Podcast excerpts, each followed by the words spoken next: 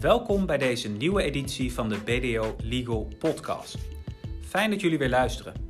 In deze podcast praten we jullie bij over interessante en belangrijke thema's op het gebied van het arbeids- en ondernemingsrecht.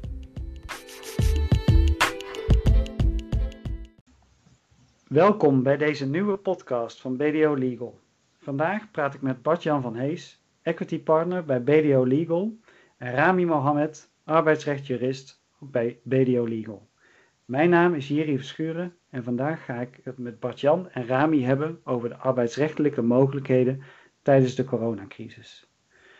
De overheid heeft verschillende noodmaatregelen getroffen de afgelopen maanden, maar die zijn in veel gevallen onvoldoende om de continuïteit van de onderneming op termijn te kunnen garanderen.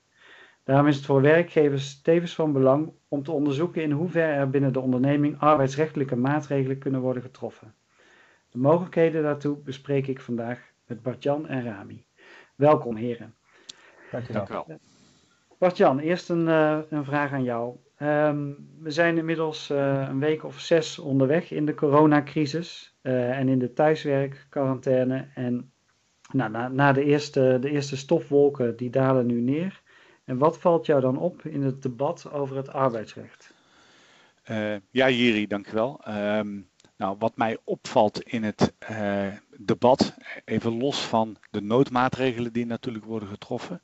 Als je kijkt naar het debat buiten die noodmaatregelen, uh, zie ik dat er heel veel niet kan. He, er wordt met name geconcentreerd in artikelen, in podcasts, noem het maar op, over wat er volgens het arbeidsrecht allemaal niet kan. En ik denk dat dat ook terecht is, want er kan heel veel niet. Hè. Bijvoorbeeld ten aanzien van verlof moet je daar toch de medewerking van de medewerker uh, voor uh, hebben. Kun je niet zomaar eenzijdig allerlei zaken gaan afdwingen als werkgever. Maar ja, dat vind ik toch wel een hele, laat ik zeggen, pre-corona manier van kijken naar het arbeidsrecht. Ja, dus, dus het arbeidsrecht is eigenlijk geschreven voor vredestijd. Hè, in de gevallen dat er geen, geen oorlog, maar ook geen pandemie over Nederland raast. Maar nu is er een andere situatie en, en daar zou je dus ook anders mee om kunnen gaan. Ja, je zou kunnen zeggen, we zitten in een hele ja, onvoorziene situatie. Mm -hmm. uh, waarmee de wetgever ook eigenlijk geen rekening heeft gehouden uh, bij het ontwerpen van die arbeidsrechtelijke spelregels. Uh, die arbeidsrechtelijke spelregels die met name de positie van de werknemer verstevigen. Hè, omdat de werknemer in de arbeidsrelatie wordt gezien als de zwakkere partij. Nou, ik denk dat dat in een normale situatie ook een terechte uitgangspunt is. Alleen hier zitten we nu in een pandemiesituatie die niet voorzien is. En ja, die eh, naar mijn smaak wel noopt om op een andere manier naar die regels te gaan kijken. En om te gaan kijken van nou, wat kan ik wel doen in plaats van wat kan ik niet doen. Ja, en, en jij zegt de reflex in, de, in het debat is dan om, om alleen maar te, uh, ja, eigenlijk te kijken naar wat kan er niet. Alleen moet je meer out of the box gaan kijken, zowel aan werkgever als werknemerkant en misschien ook vanuit de overheid, om te kijken wat kan er dan wel. Exact. Uh, en ik denk dat het uh, best lastig is om van de overheid te verlangen dat men die stevige arbeidsrechtelijke regels die we hebben, uh, dat die op de helling worden gezet. Daar gaat een langdurig wetgevingsproces overheen. Dus ik denk ook niet dat daar de oplossing zit. Ik denk wel dat je als ondernemer zelf daarin stappen zou kunnen zetten. Uh, door bijvoorbeeld een zogenaamd corona-convenant te gaan sluiten met je ondernemingsraad. Waarin je uh, nadere afspraken gaat maken. Bijvoorbeeld over de manier waarop je omgaat met verlofaanvragen. Uh, nou, en eventuele andere zaken die spelen. Ja. Tussen werkgever en werknemer. En, ja een soort uh, coronapact tussen, uh, tussen zowel de werknemer als de, als de bestuurderkant. Uh.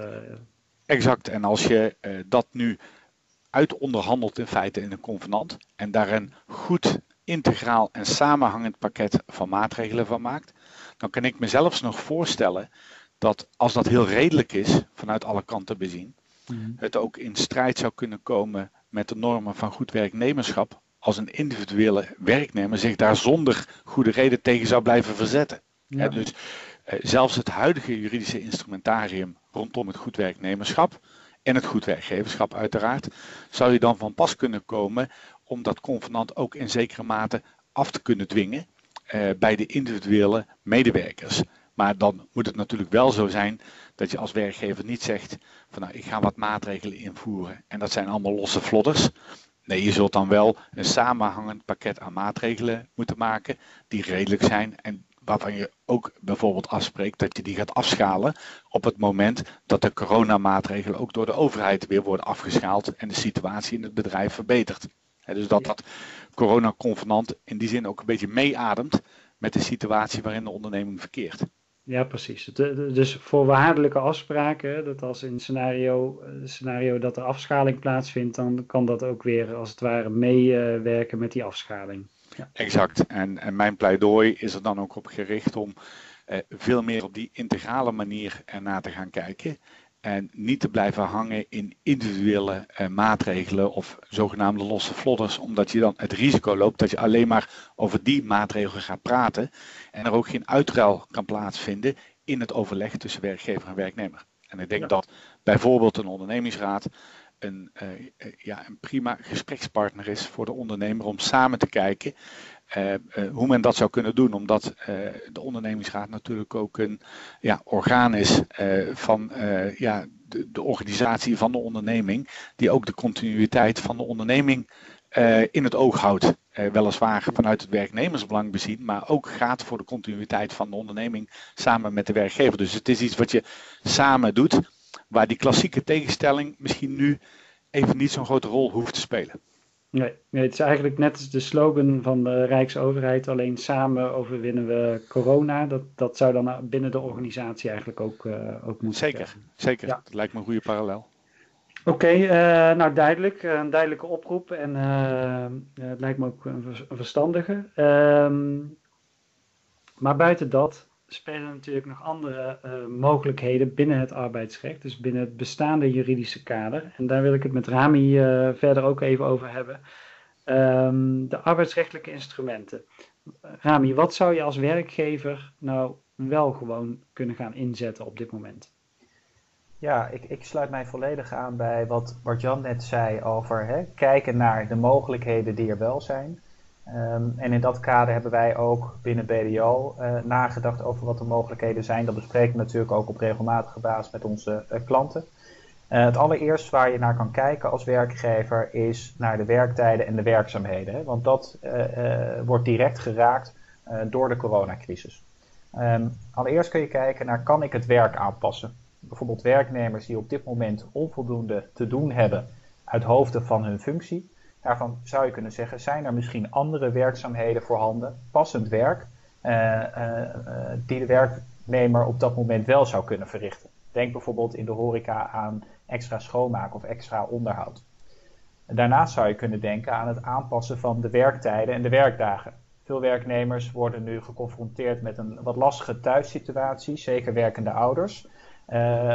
En voor die werknemers, die zou je juist de handvaten moeten bieden om de, uh, het werk op andere tijden en andere dagen te kunnen verrichten. Bijvoorbeeld s ochtends vroeg of s avonds laat of in het weekend.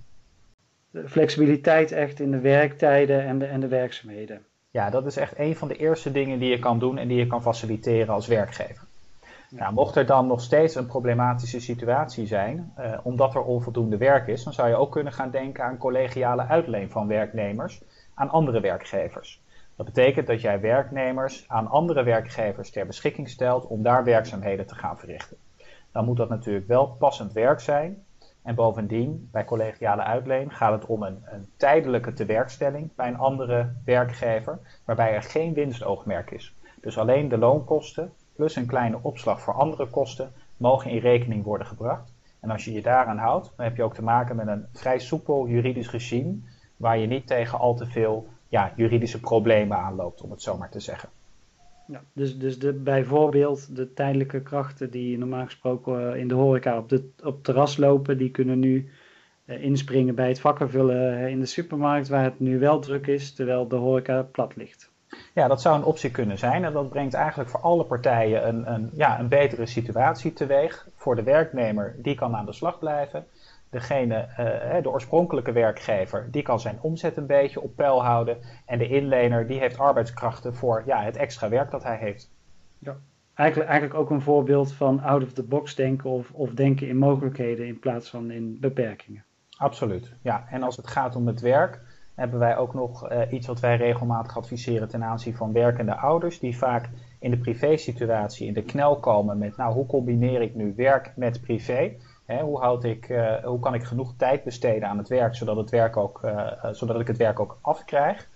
nou, soms is dat gewoon niet mogelijk. En in bepaalde situaties adviseren wij werkgevers dan bijvoorbeeld om een minuren systematiek op te zetten. Waarbij werkende ouders minuren kunnen boeken. Als zij het werk niet volledig af kunnen krijgen. En die minuren kunnen ze dan vervolgens op een later moment inhalen. Of die kunnen worden verrekend met een, een, loonbetaling op een later moment. Denk bijvoorbeeld aan de dertiende maand. Ja, dus uh, de, de, werknemers kunnen nu iets minder uren draaien door de thuissituatie. Maar kunnen dat dan later in het jaar zodanig recht trekken dat ze weer op nul uur uitkomen. Klopt, en zo op die manier creëer je flexibiliteit en uh, zorg je er ook voor dat werknemers ja, eh, die flexibiliteit terug kunnen geven op het moment dat jij dat als werkgever nodig hebt. Ja, nou, dat, dat, uh, dat snap ik. Maar werknemers hebben natuurlijk ook rust nodig, kan ik me zo voorstellen. Absoluut. Uh, hoe ga je met vakantie en verlof om?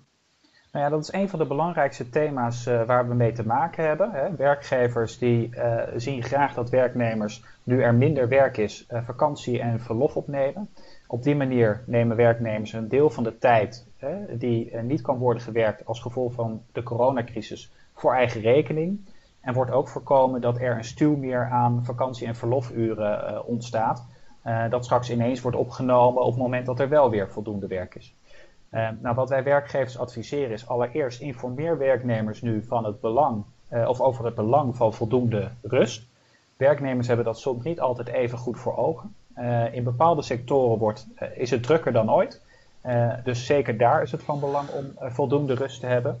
Ehm, maar ook werknemers die bijvoorbeeld in de, in de privésituatie met onzekerheden of spanningen worden geconfronteerd. Omdat ze bang zijn dat ze besmet zijn geraakt of omdat zij zelf familieleden of gezinsleden besmet zijn geraakt. Ook dat zijn situaties die spanning opleveren. Uh, en ook in die situaties geldt van neem voldoende rust. Dat blijft van belang, ook in, de, in, in dit tijdperk met het coronavirus. Ja.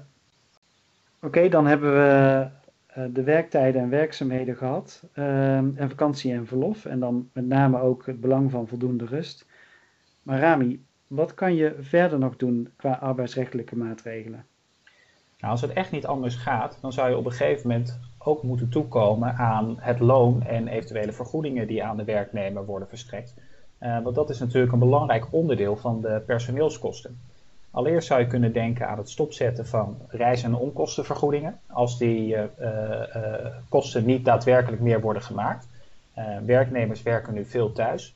en in dat soort gevallen kunnen bijvoorbeeld reiskostenvergoedingen worden stopgezet. dat is alleen anders als die reiskostenvergoedingen meer zijn dan wat er daadwerkelijk wordt gemaakt aan reiskosten. Dan zou je kunnen zeggen dat dat ook een looncomponent is. Maar als het gaat om een reiskostenvergoeding die echt ziet op nou ja, de vergoeding van de kosten voor het reizen, ja, dan zou je dat als werkgever in dit tijdperk uh, kunnen stopzetten als de werknemer die reizen niet meer maakt. Oké, dat snap ik. Hè? Dat zijn dan de vergoedingen voor reiskosten en, en die reizen maak je ook niet meer. Maar aan het loon komen van werknemers, dat, dat is denk ik een uh, gevoelig punt. Ja, dat is een heel gevoelig punt en daarom adviseren we ook om daarmee voorzichtig te zijn. Uh, maar dat betekent niet dat er helemaal niets mogelijk is. Hè. Uh, in overleg met werknemers zou je best afspraken kunnen maken over zaken zoals nou, bepaalde loonbestandsdelen wat later uitbetalen of de helft op het gebruikelijke tijdstip uitbetalen en de helft op een later tijdstip uitbetalen. Dan kan je denken aan bonussen, aan het vakantiegeld of een eindejaarsuitkering. Het is wel van belang dat dat uh, in overeenstemming met uh, de werknemer gebeurt. En het is ook goed om in het achterhoofd te houden dat je daarbij niet in de knel komt als het gaat om de uh, nauwregeling die loonkosten vergoedt. Want als jij een dalende loonsom hebt, dan kan het gevolg hebben voor de nauwregeling. Um, maar sluit die optie ook niet helemaal uit. Een andere optie zou bijvoorbeeld kunnen zijn dat je een werknemer vraagt om een deel van het loon aan te merken als investering in de onderneming. Zo kan een werknemer het gevoel hebben dat hij uh, bijdraagt aan nou ja, de continuïteit van de onderneming. En die investering kan dan bijvoorbeeld op een later moment weer tot uitkering komen met een kleine opslag als het weer beter gaat met de onderneming. Zo blijft een werknemer betrokken en is, het, is er ook geen sprake van een situatie waarbij een werknemer definitief afstand moet doen van het recht op loon. Oké, duidelijk. Ehm, dan heb je hem al even genoemd, de nauwregeling, veelvuldig in het nieuws geweest de afgelopen weken. Bart-Jan, ik, ik, neem aan dat uh, ondernemers uh, die bij BDO-klant zijn ook, een, ja, ook veel vragen stellen over de nauwregeling. Um, hoe kijk jij nu op de nauwregeling, nu die enkele weken in werking is? Nou, ik denk dat die nauwregeling ja, echt wel een succesvolle regeling is. er zijn al veel werkgevers die daar gebruik van hebben gemaakt. En UWV betaalt ook vrij snel uit. En vooral voor, laten we zeggen, de kleinere ondernemers in het MKB, uh, eh, is het een regeling die ook heel vriendelijk is en snel is. Uh, het is ook wel een regeling waar wat haken en ogen aan zitten. En hoe groter de werkgever, hoe meer vragen je gaat krijgen. Zeker als je bijvoorbeeld in een concernverband uh, zit. dus het is wel van belang om heel goed na te denken. Ga ik de aanvraag doen en ga ik hem op dit moment doen? Hm. Want je kunt een aantal keuzes maken in de regeling. Met name ten aanzien van de periode waarover je denkt dat de omzetdaling het grootste is. Ehm, en uh, daar kun je een drietal periodes voor kiezen. Vrij automatisch zijn er misschien werkgevers die gekozen hebben voor maart, april en mei. Dat was de eerste mogelijkheid. Maar je kunt ook uh, voor een latere periode kiezen. Mei, juni, juli. En als in mei, juni, juli je omzetdaling naar verwachting veel groter is dan in de andere maanden, ten opzichte van 2019, althans 25% van de omzet in 2019, ja, dan loont het misschien toch de moeite om dat te bekijken en de aanvraag nog niet in te dienen, als je dat nog even kunt uh, uitstellen. Want de uh, NOW staat nog open voor indiening tot en met 31 mei aanstaande. En daar is ook geen plafond aan, laten we zeggen, het geld verbonden. Dus het is niet zo dat ondernemers bang hoeven te zijn dat die op een gegeven moment wordt afgeschaft omdat het geld op is. dus ik zou vooral tegen werkgevers willen zeggen, denk goed na, uh, reken de verschillende mogelijkheden door, praat erover met je adviseur en ga dan wel overwogen over tot indiening van zo'n aanvraag. Ja, duidelijk verhaal. Uh, Rami, nou begreep ik ook dat de nauwregeling binnenkort uh, iets aangepast gaat worden. Kun je daar iets over toelichten? Ja, dat klopt. Gisteren heeft minister Koolmees een Kamerbrief gestuurd waarin hij heeft aangegeven dat het concernbegrip iets wordt aangepast. Ehm, even voor de duidelijkheid, als het gaat om de nauwregeling, moet er sprake zijn van een omzetdaling van ten minste 20%. Die omzetdaling wordt in beginsel op concernniveau bekeken. Uh, maar nu heeft minister Koolmees gezegd, voor werkmaatschappijen gaat daar een uitzondering voor komen. Op het moment dat op concernniveau niet die omzetdaling van ten minste 20% wordt gehaald, maar op het niveau van de werkmaatschappij wel, uh, dan kan die werkmaatschappij uh, onder strikte voorwaarden ook in aanmerking komen voor de nauwregeling. Dat is nu nog niet het geval, maar dat gaat dus wel zo, uh, zo zijn. vanaf volgende week verwachten we de gepubliceerde regeling. Dus daar is het nog even op afwachten. Maar wat we wel weten, is dat daar dus wat striktere voorwaarden voor gaan gelden. En dan kan je bijvoorbeeld denken aan het feit dat er geen bonussen mogen worden uitgekeerd, geen dividend mag worden uitbetaald. Uh, en dat er geen eigen aandelen mogen worden uh, ingekocht. Uh, maar ook dat er een afspraak moet worden gemaakt met een vakbond of een vertegenwoordiging van werknemers over werkbehoud. Dus er gaan wel wat strikte voorwaarden voor gelden. Maar tegelijkertijd komen een heel aantal werkmaatschappijen die voorheen niet onder de regeling vielen, maar wel te maken hadden met een, een forse omzetdaling, wel onder het bereik van de regeling. Oké, duidelijk. dan zijn er nog veel vragen gesteld over seizoenswerk. Dat, uh, daar wordt nu niet um, voor gecompenseerd in de regeling. Um, hoe is daar de status van? Nou, de minister heeft in dezelfde brief aangegeven dat de nauwregeling op dat punt niet wordt aangepast. Het is natuurlijk zo, de nauwregeling kijkt naar specifieke meetperiodes voor de omzetvergelijking. En bedrijven die sterk seizoensafhankelijk zijn, kunnen daarmee net buiten de boot vallen. Um, wat ik zei, de minister gaat de nauwregeling niet aanpassen, maar is nu wel aan het onderzoeken uh, of daar een andere maatregel voor kan komen om die seizoensafhankelijke bedrijven verder te ondersteunen. En dat geldt overigens ook voor flexwerkers. Um, die vallen nu uh, ook een beetje buiten de boot. In die zin, de nauwregeling is ook bedoeld voor flexwerkers. Maar wat we zien in de markt is dat er toch vrij snel afscheid wordt genomen van die flexwerkers. En de minister heeft aangegeven te onderzoeken of daar ook een aanvullende maatregel voor kan worden getroffen. Oké, nou dus nog even afwachten op de uitwerking daarvan. Daar houden wij u van op de hoogte in een volgende podcast. En daarmee zijn we aan het einde gekomen van deze PDO Legal podcast. Ik wil Bart-Jan en Rami bedanken voor hun bijdrage. En bedankt ook voor het luisteren en hopelijk tot de volgende keer.